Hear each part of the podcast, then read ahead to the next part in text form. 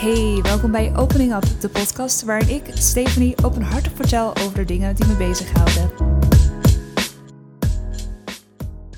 Zoals je al uit de titel hebt kunnen halen, wil ik het vandaag hebben over het aannemen van de rol van een maker of die van criticus. In een wereld waar de meesten wel altijd wat te zeggen of op te merken hebben, staan degenen in de rol van maker, in die van creator, op een bijzondere plek. Naar mijn mening vergt het moed om iets van je innerlijke wereld met anderen te delen en vooral met de massa te delen.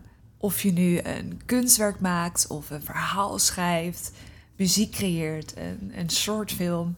Het is vaak alsof je ja, een stukje van jezelf blootgeeft en het is als het ware een kijkje in je ziel. En dit proces brengt natuurlijk ook wat kwetsbaarheid met zich mee. Je weet bijvoorbeeld dat er reactie zal volgen. En de wereld die zit over het algemeen net wat voller met kritiek en oordelen. In deze aflevering wil ik het dan ook hebben over de mogelijkheden en de overwegingen die voor je liggen. Dus welke rol neem je aan? Die van maker of criticus? En hoe zorg je er als maker voor dat je je er niet te veel door laat beïnvloeden? Ik wil het daarbij ook hebben over de valstrikken van zowel lof, dus nou ja, fijne reacties, als kritiek. En ik wil ook een blokkade met je delen die ik in mezelf tegenkwam toen ik bewust in de, in de rol van maker besloot te stappen. Dus allereerst de keuze die ik zie. Spring je in je leven in de rol van maker of die van criticus? En laat ik daarvoor eerst even uiteenzetten wat je onder beide kunt verstaan. Een maker of creator kun je definiëren als iemand die nieuwe dingen creëert of originele ideeën tot leven brengt in allerlei verschillende vormen. Dus dat gaat echt van kunst en technologie tot ambachten en design. En wat ze gemeen hebben is dat ze vaak gedreven zijn door creativiteit, door passie en over het algemeen ook streven naar innovatie. Makers inspireren en zijn vaak op zoek naar ook wel originaliteit in hun werk, alhoewel dat niet het belangrijkste doel is. Iedereen kan een maker zijn. Je professionele status bijvoorbeeld heeft er absoluut niets mee te maken. Ehm, creativiteit is toegankelijk voor iedereen. En je hoeft dan ook geen professional te zijn om iets nieuws te creëren of om jezelf uit te drukken. En daarom draait het ook vooral om passie en om zelfexpressie. Een maker is dus niet alleen een kunstenaar, zoals ja, waar je meestal het eerste aan denkt. Want vaak denken we direct aan een schilder, een schrijver, een fotograaf, noem maar op. Maar een maker is net zo goed de bakker op de hoek die met heel veel liefde en passie brood bakt. En een criticus, die wordt gedefinieerd als iemand die kunst en literatuur en muziek, films, alle uitingen als het ware beoordeelt en daar commentaar op geeft. En je kunt daarbij wel een duidelijk onderscheid maken tussen een professionele criticus en een amateur criticus. Een professionele criticus deelt meningen en evaluaties om daarmee anderen te helpen bij het maken van keuzes. En ze hebben een invloed op de publieke perceptie van creatieve werken. En dan heb je de amateur-criticus. En dat zijn mensen die vooral persoonlijke meningen delen en die minder diepgang in hun analyses bieden. En ja, het belangrijkste verschil, die leveren hun commentaar vaak vanuit hun eigen luie stoel. En ja, het is natuurlijk niet zo zwart-wit dat je ofwel volledig de rol van maker of criticus op je neemt. Vaak heb je een beetje van beide. Maar in de praktijk zit je vaak wel sterk aan de ene of de andere kant. En dat is simpelweg doordat je ook gewoon geen twee dingen tegelijk kunt doen. Dus ik geloof persoonlijk dan ook dat er een punt komt waarop je moet kiezen. En zolang je niet kiest, kies je ook. En waar ik naartoe wil is dat als je de rol van maker kiest, het van groot belang is om je niet te veel te laten beïnvloeden door de commentaren van de criticus. En dan met name dus die amateurcriticus. En dat zijn, is vaak je omgeving. Dus ja, zelfs je vrienden, familie, buren, dat allemaal. En voor de een is dat wat makkelijker loslaten dan voor de ander. Maar mijn ervaring is dat zodra je een bewuste keuze maakt, dan komt dat bijna natuurlijk en dan wordt dat ook steeds sterker. Het vereist dus zeker moed om de kwetsbaarheid die eigenlijk bij creatie hoort te omarmen. Maar het betaalt zich eigenlijk altijd wel terug. En het betaalt zich terug in de vorm van voldoening en uh, gewoon het gevoel hebben dat je echt aan het leven bent. Want um, veilig aan de zijlijn staan, dat lijkt in eerste opzicht makkelijker en soms ook fijner. Want je krijgt dan vrijwel niet te maken met uitdagingen en kritiek. Maar volgens mij ben je over het algemeen veel liever degene op het veld. En degene die actief deelneemt aan het spel. Wanneer ik aan een amateurcriticus denk, heb ik gelijk een aantal beelden in mijn hoofd. Dus laat ik er een paar met je delen. Allereerst denk ik aan de, nou ja, de niet fitte voetbalsupporter met bierbuik die zegt dat degene op het veld wel ietsje harder mag rennen. Maar ook de museumbezoeker die op ieder schilderij wel wat aan te merken heeft. En net zo goed de social media gebruiker die liever benadrukt hoe cringy die ene influencer is in plaats van gewoon iets nuttigs te gaan doen. En mogen ze dat vinden, delen, denken, uh, zeggen, zeker weten. Ik denk ook dat je als maker moet ownen dat er tegenreactie komt. Maar het komt er vooral op neer dat kritiek uiten makkelijk is en zelf iets creëren dat anderen raakt of entertaint, inspireert, aan het denken zet, dat vergt veel meer moed. Wanneer een ander een verhaal deelt, is het over het algemeen vrij simpel om te constateren wat er aan ontbreekt en dan daar ook op te focussen. Maar pas zodra je zelf je hart en je diepste emoties of wat dan ook met anderen deelt, dan zul je pas echt begrijpen hoe complex het kan zijn om woorden te weven tot een verhaal dat alle nuances bevat en dan nog steeds fijn is om ja, naar te luisteren of om te lezen. En daarbij heb je het er nog niet eens over dat om tot delen te kunnen komen iemand een bepaalde reis heeft moeten afleggen of een bepaalde uitdaging is aangegaan. En hetzelfde geldt voor bijvoorbeeld het werk van een fotograaf. Ik kies allemaal voorbeelden die voor mij, zoals je merkt, relatable zijn. Ehm, maar het is makkelijk om een foto te bekijken en te denken: oeh, die compositie die had beter gekund of de scherpte ontbreekt. Maar probeer zelf eens een foto te maken waarbij je niet alleen let op licht, compositie en scherpte, maar ook op de sfeer en de emotie die je wil vastleggen en de diepere betekenis van de foto. Dus alleen door zelf door de lens te kijken, besef je hoeveel aandacht en zorg nodig is om een beeld vast te leggen dat ook werkelijk iets oproept. Je kent misschien ook wel het verhaal van de kunstenaar die critici uitnodigde om zijn schilderij naar eigen inzicht aan te passen. Om te laten zien hoe het in hun ogen beter kon. Ik weet trouwens niet of dit een waar gebeurd verhaal is en zo ja, om wie het gaat. Maar in ieder geval, die eh, persoon in het verhaal, die kunstenaar, die was klaar met alle kritiek. En verbazingwekkend genoeg, of je zou misschien eerder kunnen zeggen, ook wel naar verwachting, kwam er niemand opdagen. Wat betekende dat geen van de critici bereid was om daadwerkelijk de handen uit de mouw te steken en dus deel te nemen aan het creatieve proces.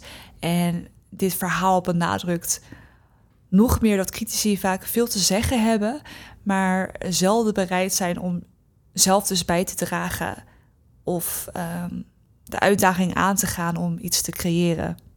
En nogmaals, dit betekent natuurlijk niet dat niemand kritiek mag leveren of tips mag geven. Maar als maker is het wel belangrijk om je heel bewust, ja, heel bewust om te gaan met van wie je wat aanneemt. En er überhaupt niet al te veel gewicht aan te geven. De soort van regel die ik zelf hanteer is dat ik eigenlijk alleen luister naar de feedback van personen die staan waar ik eventueel zou willen staan of die me dus werkelijk inspireren. En hoe hard dat misschien ook klinkt, maar Tante Bet, uh, ik heb geen Tante Bet, dit is even een uh, fictief persoon, maar ja, die dus al 30 jaar hetzelfde doet en vrijwel nooit zelf wat in de wereld zet, daar laat ik me niet door beïnvloeden. Ik sta open voor ieders reactie. En ik zeg niet dat die zogenaamde tante Bet als persoon niet waard is. Maar voordat ik iets aanneem, kijk ik wel naar ja, van wie het komt. En dat klinkt misschien heel erg logisch. Maar soms heb je als maker wel even de reminder nodig dat het de reacties of het uitblijven van reacties van mensen uit je omgeving niet heel veel zegt over jouw creaties en de waarde van je creaties, omdat jullie waarschijnlijk gewoon een andere rol kiezen in het leven.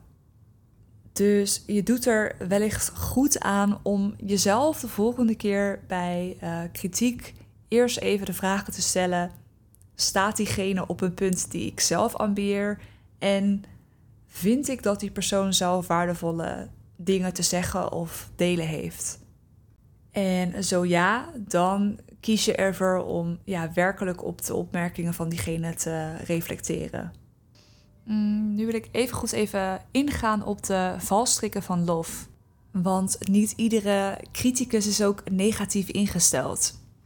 Er zijn gelukkig ook heel veel mensen die een wat meer passieve rol vervullen en wel ja, licht en liefde verspreiden door de creaties van anderen, bijvoorbeeld openlijk te waarderen. En het is verleidelijk om je te laten meestepen door de goedkeuring van anderen. Bijvoorbeeld de digitale goedkeuring, de likes en de positieve reacties. Ehm, ja, ze kunnen een soort van kortstondige euforie veroorzaken. Maar wat je wil voorkomen is dat ze de drijfveer zijn achter je creatie. Het is namelijk heel eenvoudig om verslaafd te raken aan die externe validatie en aan het zoeken naar constante bevestiging. En daarmee is het gevaar dat we onze creaties gaan afstemmen op de smaak van het publiek en de smaak van de massa, in plaats van trouw te blijven aan onze innerlijke stem. En het is een garantie dat je jezelf zal verliezen wanneer je ja, op zoek bent naar populariteit en goedkeuring. Creatie verandert dan eigenlijk van een authentieke expressie in een ja, oppervlakkige poging om maar in de smaak te blijven vallen. En um, om even de andere kant ook te belichten soms raken makers ook weer zo verstrikt in hun eigen visie dat ze een soort van doof worden voor constructieve kritiek. En elke opmerking wordt dan meer gezien als een aanval op hun creatieve integriteit. En daarmee weigeren ze te luisteren naar ja, suggesties om hun werk te verbeteren. En dat kan ook weer zonde zijn, omdat het leidt tot stagnatie. En creatie is, ja, is eigenlijk een voortdurende evolutie. En feedback of reflectie, of hoe je het ook wil noemen, kan ons natuurlijk wel helpen om te groeien. Het is dus belangrijk om open te staan voor reflectie en in staat te zijn om goede kritiek te onderscheiden van pure negativiteit. Je moet uiteindelijk ja, een soort van balans vinden tussen passie en een bepaalde objectiviteit in het creatieve proces, als je er ook echt werkelijk iets mee in beweging wilt zetten. Je zou het een soort van creatieve onthechting kunnen noemen. En wat dan betekent dat je in staat bent om te creëren zonder je al te druk te maken over wat dus anderen van je werk vinden. En het gaat daarbij om het loslaten van de behoefte aan goedkeuring of ook het vermijden van kritiek, zodat je je dus volledig kunt richten op je eigen creatieve proces en je eigen innerlijke inspiratie kunt volgen. En je vraagt je misschien af, maar waarom dan kunst niet gewoon voor jezelf houden? Of waarom niet gewoon al die verhalen voor jezelf houden als je ergens toch zo bezig bent met meningen? En daarop zou ik zeggen dat als makers willen we vaak onze kunst en onze verhalen of andere creatieve uitingen delen met anderen, omdat het een manier is nou ja, om ons te uiten, maar vooral ook om verbinding te maken. En het is dus ook begrijpelijk dat we niet geheel onverschillig zijn uh, voor de reacties en wat anderen denken. Uh, en daarbij is het ook gewoon mogelijk om daar een soort van harmonieuze balans in te vinden. Want ik denk zeker dat we kunnen leren en groeien van de reflecties van anderen, terwijl we tegelijkertijd vasthouden aan onze eigen innerlijke motivatie. Het is een soort van voortdurende reis van ontdekking. En het is dan ook oké om af en toe te worstelen met die balans. Het maakt deel uit van wat het betekent om een maker te zijn. Dan had ik nog gezegd dat ik een valkuil wilde delen waar ik zelf tegenaan liep en wat ik ervan heb geleerd. Soms voelen we een, de immense druk om alles in één kunstwerk, één verhaal of één uiting te proppen. Wanneer je het idee hebt dat je al je gedachten, emoties en nuances over een bepaald onderwerp of wat dan ook in één enkele creatie moet zien te persen, dan werkt dit enorm verlammend. Het is een beetje zoals je hele garderobe in één koffer willen persen voordat je op vakantie gaat. En ook dan kom je er waarschijnlijk snel achter dat dat niet echt gaat. En ik denk dus dat het geloof dat je alles in één creatieve uiting moet stoppen ontstaat wanneer je onbewust de behoefte hebt om de criticus het zwijgen op te leggen. En uiteraard leidt dat al snel tot creatieve blokkades of je wordt bang om te beginnen, je stelt het uit, omdat je natuurlijk nooit aan al die hoge verwachtingen kunt voldoen. En het is dus belangrijk om te, ja, wel echt te beseffen dat creatie geen strijd is tegen de criticus, maar het is simpelweg een ontdekkingstocht naar je eigen stem en visie. En het gaat er dus zeker niet om om de criticus het zwijgen op te leggen, maar om trouw te blijven aan jezelf. En we kunnen onze gedachten en emoties en nuances in verschillende uitingen verkennen zonder de druk om alles dus in één keer te delen. En je weet misschien ook van jezelf dat je perspectief afhankelijk is van enorm veel factoren. Dat is bijvoorbeeld alleen al je moed of gewoon nieuwe input. Dus je moet ook zelf accepteren dat, of het eigenlijk het mooie ervan zien, dat perspectieven veranderlijk zijn. Dus het is ook niet mogelijk om. Uh, het is altijd maar um, tijdsopname. En het belangrijk is dat die, uh, niet tijdopname, maar momentopname doe ik. Uh, en het is belangrijk dat die momentopname gewoon echt een reflectie is van jou op dat moment. En dus niet een, een iets dat je hebt neergezet omdat je denkt dat anderen dat in het moment kunnen waarderen. Oké, ik merk dat ik uh, te lang aan het praten ben. en dat ik een soort van vermoeidheid voel. Uh, en niet meer weet wat ik precies aan het zeggen ben. Dus ja, de boodschap van deze aflevering is dat de wereld in mijn, uh, in mijn ogen makers nodig heeft. zij die dus de moed hebben om hun innerlijke wereld te delen en anderen te inspireren. En wat mij betreft, of in mijn geloof, kun jij dus een van hen zijn. En ik moedig je met liefde aan om die kans te grijpen als je je geroepen voelt en uh, je creativiteit te laten stralen, terwijl je dus in balans blijft tussen je innerlijke stem en ja, ook wel de wijsheid van anderen. En ehm, wat mij betreft is de kracht van creatie is een pad van trots, kwetsbaarheid, inspiratie, reflectie en groei. Ehm, dus de keuze die voor je ligt, ben je voornamelijk maker of ga je voor voornamelijk uh, criticus? Tot slot, ik ben op dit moment bezig met het ontwikkelen van een programma die uh, degene die voor de rol van maker kiezen, te helpen met het stappen in die rol en Ehm, om je eigen creatieve genie los te laten en je daarmee te verbinden. En als je het leuk vindt om op de hoogte gehouden te worden van de ontwikkelingen en de launch, en daarmee ook deel uit te maken van het creatieproces, dan ehm, kun je je alvast aanmelden voor de wachtlijst. Wat betekent dat je dus ja, op de hoogte wordt gehouden. En um, je vindt de link daarvan in de omschrijving van deze aflevering.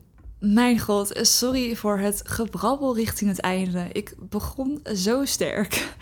Uh, maar ja, als je ook de vorige aflevering hebt geluisterd over toch wel de onzin van perfectionisme, dan begrijp je extra waarom ik er nu ook niks aan doe. En um, ja, het allerlaatste. Ik wens je gewoon nog vooral een hele, hele fijne ochtend, middag of avond. En uh,